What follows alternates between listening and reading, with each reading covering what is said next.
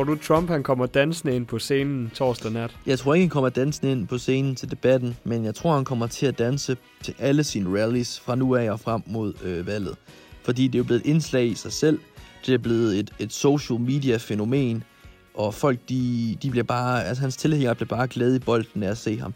Det er en helt modsat Theresa May, ja. den, øh, den forhandværende britiske premierminister, der dansede til Dancing Queen, øh, og dansede, mens hun var på besøg i et afrikansk land, og det backfired fuldstændig. Folk hun synes, hun var så stif og gammel. Og så kommer Trump, der jo i virkeligheden er 20 år ældre end Theresa May, og øh, fuldstændig indtager scenen til YMCA og øh, danser løs inden sine rallies. Og, det, og jeg tror også, jeg tror faktisk ikke, at det er bare noget, han gør for sjov. Jeg er overbevist om, at det er en overlagt strategi fra hans kampagneteam. Fordi han vil jo gerne virke high energy. Det har han jo hele tiden ville. Dengang han stillede op øh, første gang ikke under primærvalget, når han skulle slå de andre republikanske øh, mulige præsidentielle kandidater, jamen Jeb Bush, George Bush lillebror, han, han, var, han var jo low energy, ikke? fordi han var jo det, som man var så vant til fra amerikansk politik. Øh, Joe har han døbt Sleepy Joe, altså Joe Biden, og Trump han prøver virkelig her oven på sit coronaforløb, virkelig at vise, at han er altså frisk, og han er ikke ved at dø, og hans lunger har det fint. I modsætning til det, så står Biden, og han glemmer, hvad Mitt Romney, øh, senatoren fra Utah, der stillede op som præsident imod øh, Barack Obama og ham i 2012. Han glemmer, at han stiller op som præsident. Han står og siger til møder, han stiller op til senatet og sådan nogle ting. Og Trump, han prøver jo, som vi snakkede om med debatten, Trump prøver virkelig hele tiden at vise, at det godt være, at han er i 70'erne, men han har det selv, som om han er i 40'erne. He was only a good vice president because he understood how to kiss Barack Obama's ass. We choose truth over facts. Get that son of a bitch off the field right now. Out. He's fired. He's fired! Poor kids are just as bright and just as talented as white kids. Biden and his son are stone cold crooked. Much of the media in this country is not just fake, it's corrupt.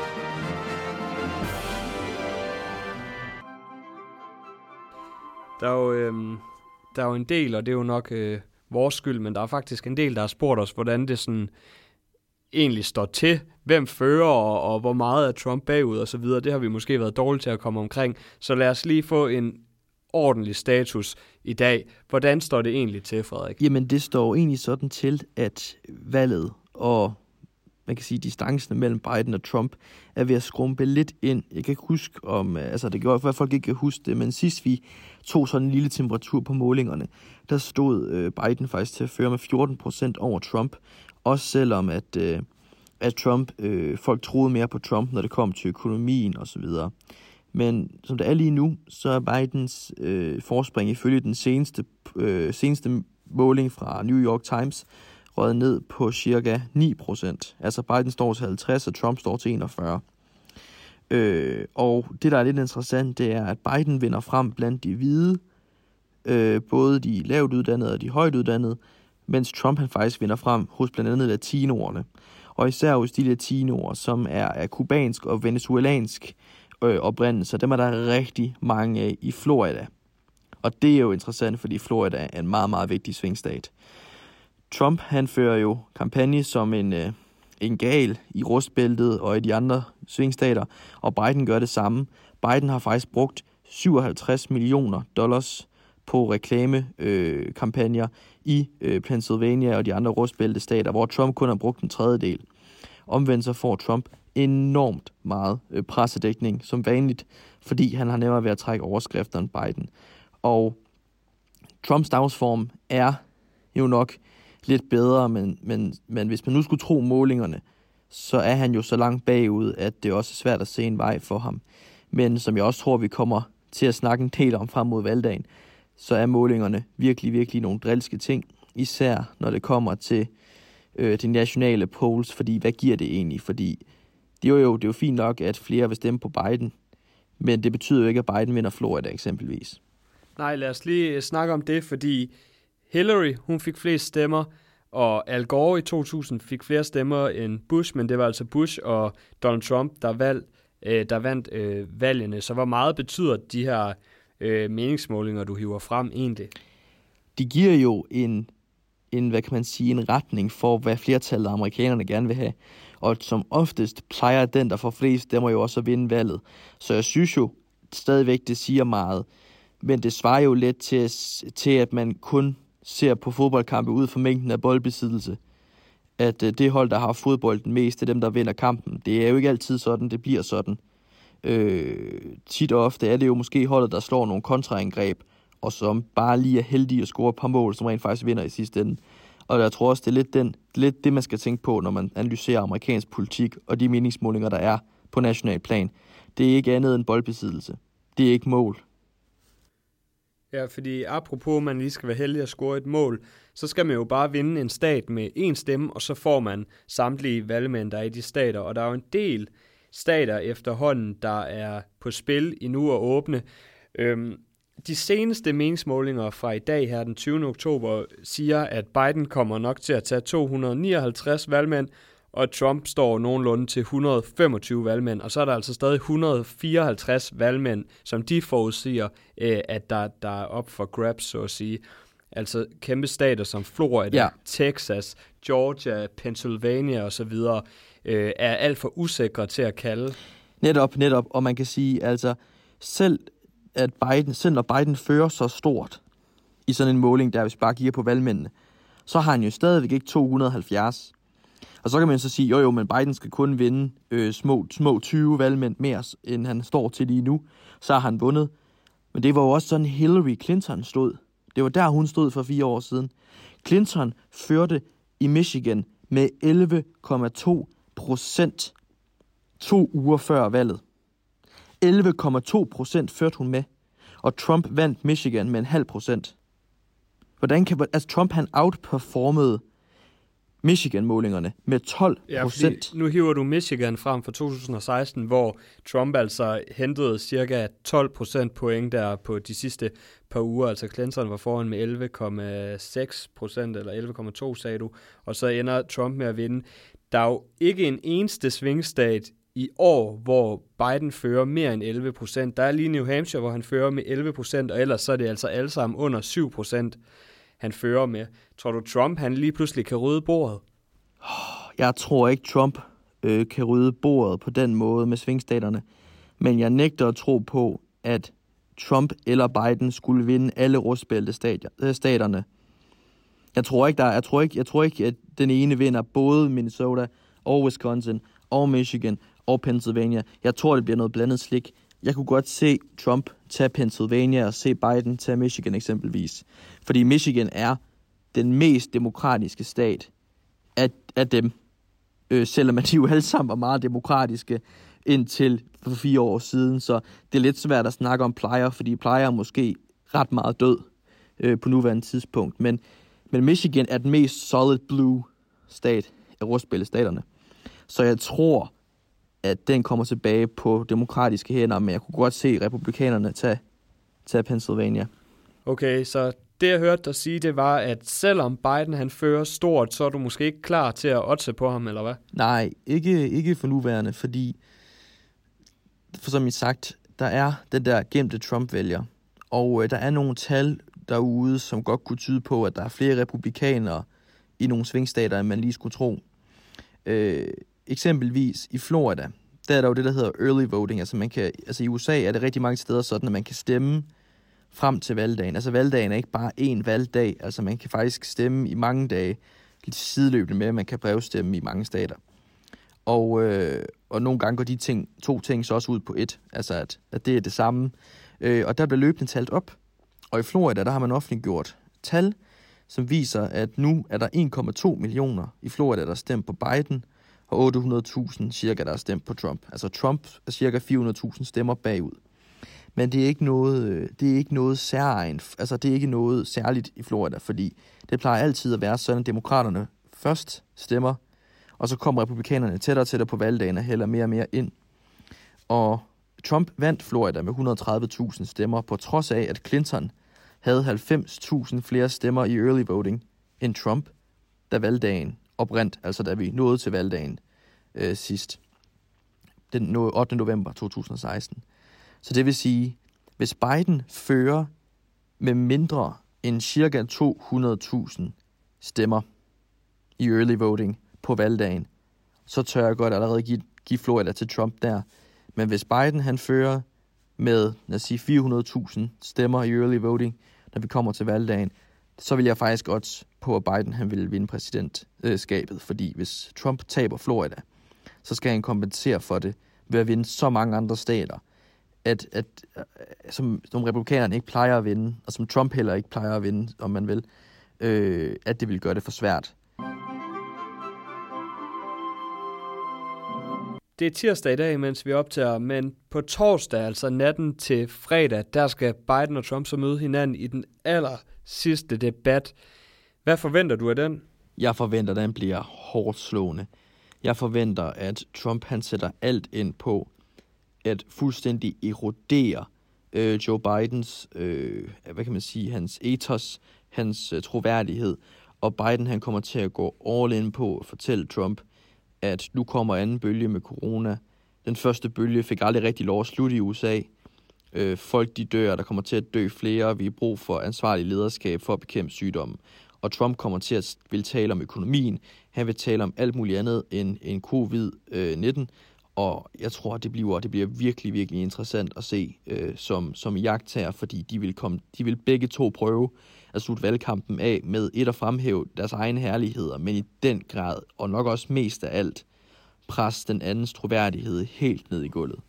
Og det er jo lidt nogle andre rammer, der skal være om den her debat. Det er jo sådan, at der er en kommission, der bestemmer, hvordan de her debatter forløber, og de har altså valgt, at i de her to minutters indledninger, som kandidaterne har inden hver, øh, inden hvert emne, der har de altså valgt, at de slukker mikrofonen for modkandidaten til den her debat. Hvorfor?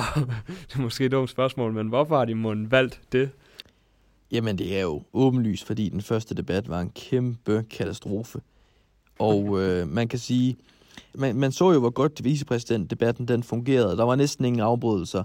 Øh, man fik faktisk nogen debat, og øh, der giver det jo kun god mening, at man, man giver debattørerne mulighed for at sige det, de gerne vil sige, og svare på spørgsmålene, uden at, at de bliver saboteret. Øh, noget, der også er vigtigt lige at, at komme ind på med det, er jo, at Trump-tilhængerne øh, og sådan noget, de er jo overhovedet ikke særlig øh, glade ved det her, af en eller anden årsag. Men hvis jeg nu var dem, så ville jeg jo egentlig være lidt glad for det, fordi det betyder jo så, at Joe Biden han skal kunne tale sammenhængende i to minutter. Og hvis deres tese om, at han er Sleepy Joe, og han er dement og kognitivt i forfald, jamen så øh, er det jo kun godt for Trump-kampagnen, hvis de bare kan lade ham stå og prøve at snakke i to minutter. Fordi så øh, hvis, man, hvis deres teori og deres tese er korrekt, så vil man jo ikke kunne efterlade et godt indtryk i den her debat. Ja, fordi på den ene side bliver de jo ved med at slå på, at han er, han er meget senil, og det er Sleepy Joe, og han kan sikkert ikke stå oprejst og tale i to minutter sammenhængende, uden at gå i stå eller glemme, hvor han kommer fra. Og på den anden side vil de meget gerne have, at Trump har lov til at afbryde ham i Joe Bidens to minutters indledninger. Hvem tror du, der vinder debatten? Trump er nødt til at vinde den her debat, fordi det er den eneste måde, på han kan få noget momentum på. Øh, der er jo flere ting, øh, der er jo flere ting, som, som, som, som allerede på forhånd prøver de jo sådan lidt at, at få debatten til at virke rigt. Eksempelvis så, øh, så er øh, moderatoren en person, der har poseret sammen med Obama, øh, altså Barack Obama og Michelle Obama til nogle fester og sådan noget.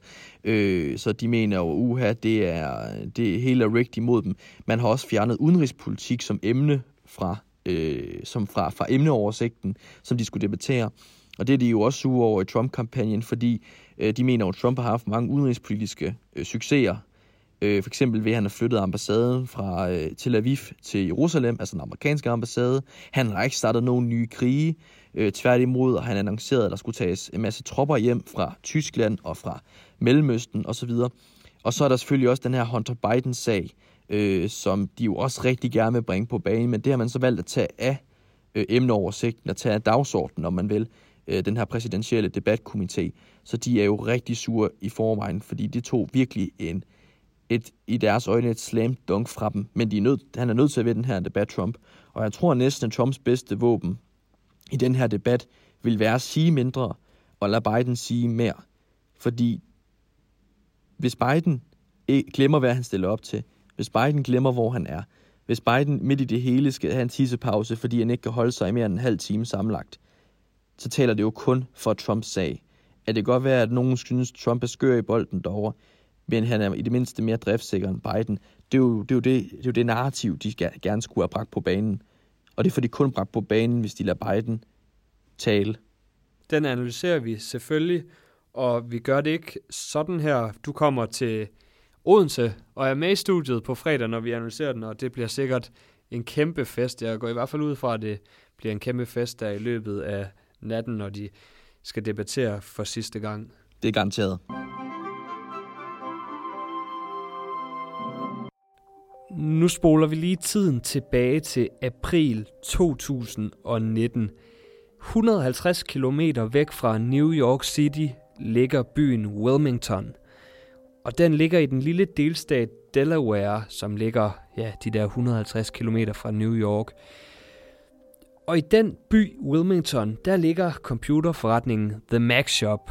Og her i april 2019 kommer der en mand ind, afleverer sin computer, som han skal have repareret, men han kommer aldrig tilbage og henter den. Og så spoler vi tiden frem til oktober 2020. For nu fortæller New York Post, at det var Hunter Bidens computer, altså Joe Bidens søn. Og New York Post har set indholdet. Ejeren af The Mac Shop afleverede nemlig harddiskens indhold til FBI og til Trumps advokat. Og nu er indholdet så endt hos New York Post. Og det her indhold, det inkluderer Hunter Bidens e-mails. Og der er en fra 2015, som er særlig interessant. Hunter Biden han er nemlig på det her tidspunkt endt i bestyrelsen for et ukrainsk naturgasfirma, der hedder Burisma. Og der får han 50.000 dollars om måneden for at sidde. Og dengang var der mange, der undrede sig over, hvad en amerikansk politikers søn med et kendt narkomisbrug pludselig lavede i bestyrelsen hos et stort ukrainsk naturgasfirma. Men nu er svaret her måske, for i en mail til Hunter Biden skriver en ukrainsk erhvervsmand til Hunter Biden tilbage i 2015. Kære Hunter, tak for at invitere mig til Washington D.C. og give mig muligheden for at møde din far og bruge noget tid sammen. Det her, det er altså den rygende pistol, der kæder Joe Biden sammen med Hunter Bidens plads i Burismas bestyrelse. For det betyder jo, at man måske kan betale Hunter Biden 50.000 i måneden, og så har man lige pludselig adgang til USA's vicepræsident Joe Biden. Men historien den er kun udkommet i medier på højrefløjen. De mere mainstream medier, de mener ikke, at de kan dokumentere, at indholdet af harddisken ikke er fabrikeret. Altså, at det måske er Rusland eller Trumps egen kampagne, der har lavet den her historie. Frederik, den her historie, hvor meget har den af betydning for Joe Biden? Jamen, den kan jo betyde alt. Øh, den kan betyde alt. Det kan, blære, det kan være hans e-mail-historie med Hillary Clinton. Jeg tror dog ikke, den kommer til at ramme ham lige så slemt. Fordi at de der 30.000 e-mails, som Hillary Clinton skulle have slettet på hendes server, og hun havde brugt øh, de her, hendes, hendes private mobil og hendes private øh, iPad og, og, og bærbar til, til hendes øh, udenrigsministerarbejde. Øh, det var jo ret åbenlyst, hvis skyld det var. Øh, den her Hunter Biden-sag, vi talte jo om den øh, for pausen i tiden, hvor jeg sagde, at den sag kommer ikke til at ramme Joe Biden hårdt, så længe det bare er Hunters sag, altså hans søn. Fordi hans søn er jo ikke ham og han kan jo ikke styre, hvad hans søn laver. Hvis hans søn har en dårlig moralsk kompas, så har det jo ikke nødvendigvis noget at gøre med, hvordan Joe Biden vil gøre det som præsident, og om han eventuelt vil være kompromitteret øh, som præsident. Det, det vil det jo ikke sige noget om. Men nu hvor at der kommer beviser frem for, at Joe Biden rent faktisk har mødtes med de her Burisma-folk, og at han har øh, hans søn, angiveligt hvis man skal følge de her mails osv., skulle han brugt hans far som en indgangsvinkel til at kunne tilegne sig flere penge osv., øh, og indflydelse, jamen så er det et kæmpe problem, fordi Trump han gik jo til valg på at dræne sumpen, drain the swamp, og hvis Biden viser sig at være en lige så stort øh, swamp monster, som så mange andre i DC er ifølge øh, Trump og hans vælgerbase, jamen så kan det jo gøre et, at nogle folk simpelthen begynder at stemme på Trump i stedet for Biden, eller den lidt mildere version, at folk, der gerne vil have stemt på Biden, lidt modvilligt, men de kan ikke lide Trump, så derfor stemmer de på Biden, øh, de måske bliver decideret øh, så modløse øh, af, af Joe Bidens postulerede korruption, at de simpelthen vælger at, at lade være med at stemme overhovedet. Og det er, jo, det, er jo, det er jo sådan en ting, der er særligt for USA, fordi valgdeltagelsen er så lav. I Danmark vil man gerne flytte stemmer rundt mellem partierne, fordi der er så mange, der stemmer. Men i USA er der jo så få, der stemmer, øh, relativt få, så, og fordi der er så få valg, så det at få nogen til at lade være med at stemme på ens modkandidat, er jo næsten en lige så stor sejr, som at få nogen til at stemme på en selv, i stedet for ens modkandidat. Og øh, Ja, lad os lige prøve at snakke lidt om, øh, at de jo måske ikke prøver at hive stemmer fra hinanden, altså over til sig selv, men at man prøver at skabe stemmer, og man prøver at fjerne stemmer hos de andre. Øhm, fordi hvem er det, der hører om den her historie? Den blev bragt i New York Post. Twitter og Facebook har valgt, at den må slet ikke cirkulere. Øhm, hvem når den her historie ud til? Den her historie når primært ud til folk, der er i den republikanske boble. Det er Trumps egne tilhængere, det er Trumps egen base. På øh, øh NBC, på CNN og de andre store nyhedsmedier i USA, der fik den sammenlagt, den her historie over flere dage, fik den sammenlagt kun små 14 minutters dækning. Og vi snakker alle relaterede historier, altså selve historien øh, til historien om, at Twitter og Facebook har stoppet cirkulationen af historien, før den er blevet fact-checket af en tredje part. Øh, at Trumps pressesekretærs Twitter-konto blev låst, fordi hun havde delt historien for New York Post. Alle de historier sammenlagt fik 14 minutters airtime, sendetid, over 3, 4, 5 dage. På over, fordelt i alt over fire store øh, tv-stationer.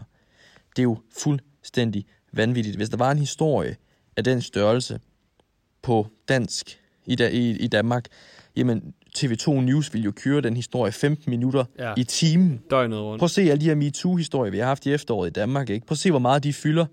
Den her historie med Biden vil jo være total gul bjælke over det hele, hvis det var en dansk politiker, der, havde, øh, der var blevet anklaget for at have medvirket til de ting, som Hunter Biden og Joe Biden angiveligt skulle have medvirket i. Men hvorfor er det så, at de ikke deler den her historie, Frederik? Jamen det er jo fordi, at Øh, øh, altså kilden til kilden, om man vil, er Rudy Giuliani, som er tidligere borgmester i New York og er en, en stor Trump-støtte, men som også er lidt en, en, en uden at fornærme manden nok, øh, vil jeg sige, at han er en lidt en loose cannon. Og, og manden er jo, er jo flere omgange blevet beskyldt for at være i for at være en, øh, altså folk med dårlige intentioner sender ting til, hvis de har noget snavs på folk, som øh, måske eller måske ikke er ægte information. Og man skal huske på, at politik i USA er jo gået fra at være øh, en kampagne, altså kampagne, hvor man tager sig selv op og finder lidt snavs på modstanderen, til at blive en rigtig informationskrig nu. Altså, kan, jeg ved ikke, om folk kan huske de her rapporter, der kom ud i starten af Trumps præsidentskab, hvor han angiveligt skulle have øh, urineret på to russiske prostituerede i Moskva, og at Putin skulle have filmet det her, så Putin havde noget øh, snavs på Trump. Øh, den rigsretssag, Trump blev udsat for, øh, om, om at russerne skulle have øh, hjulpet ham med at vinde valget i 2016 gennem Wikileaks, som ikke ført rigtig ført noget med sig. Altså, det er jo, det er, det er jo, det er jo ikke bare, det er jo ikke bare øh, ham her har måske haft sex med stuepigen øh, snavs. Det her, det er manden, øh, min modkandidat er landsforræder øh, snavs. Ikke? Det er jo nogle fuldstændig vanvittige ting. Og Twitter og Facebook er åbenbart bare nået til den konklusion, at den her Joe Biden-historie var så voldsom, at de simpelthen var nødt til at få det fact-checket af nogle af deres underleverandører, før de bragte historien videre. Og det har jo skabt et ramaskrig i øh, konservative kredse i USA, for de mener jo helt klart, at det er et tegn på, at det, de kalder big tech, altså de store tech-firmaer, øh, at de aktivt har valgt side i valgkampen og ikke ønsker at øh, bringe øh, visefolk Joe Bidens øh, sande, angiveligt sande ansigt. Så det her gør jo bare valgkampen endnu mere polariseret. Øh, folk isolerer sig endnu mere selv deres ekokamre, og den almindelige mainstream amerikaner, som måske ikke har tid til at være særlig meget på Facebook, fordi han eller hun har to jobs at passe, øh, de sidder og ser Flow TV, og de sidder og, og kun bliver delvist inddraget i den her virkelighed, der foregår øh, på de sociale medier.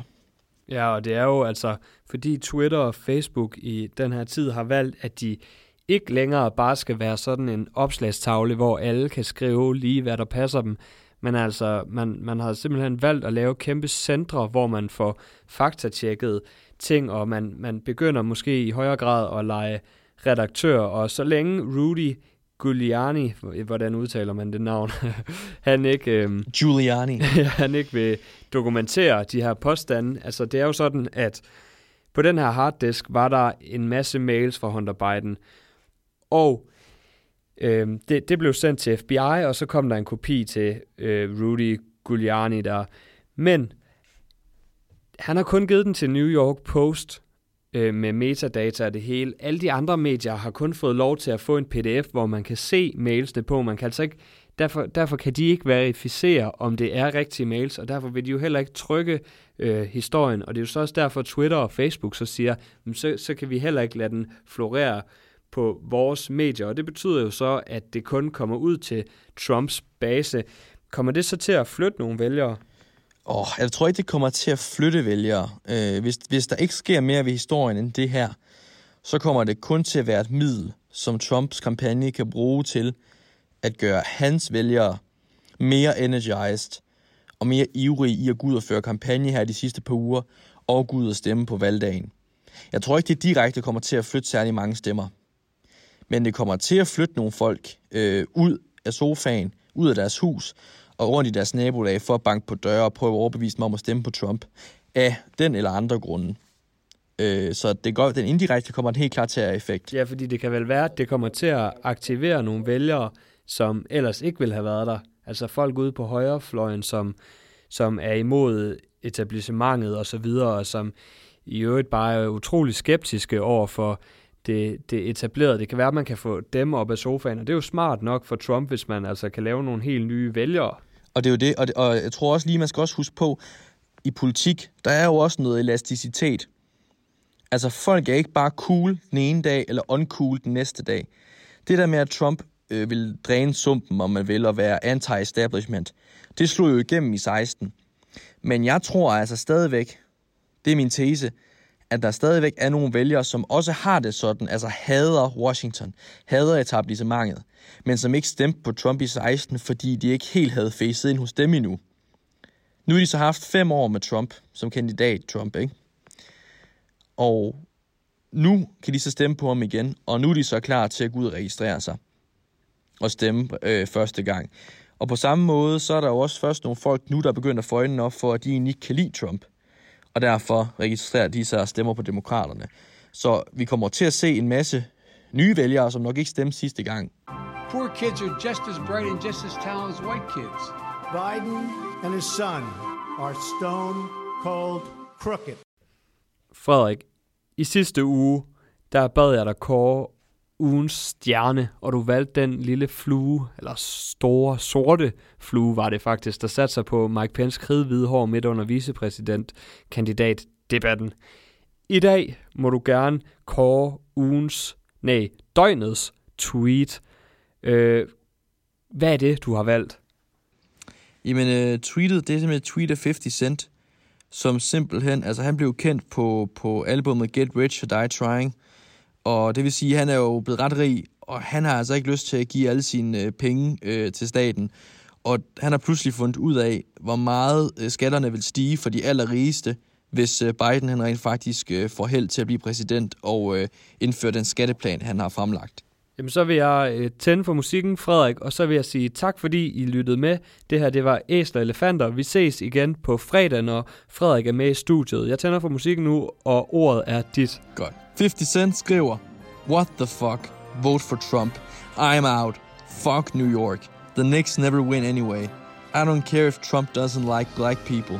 62% are you out of your fucking minds.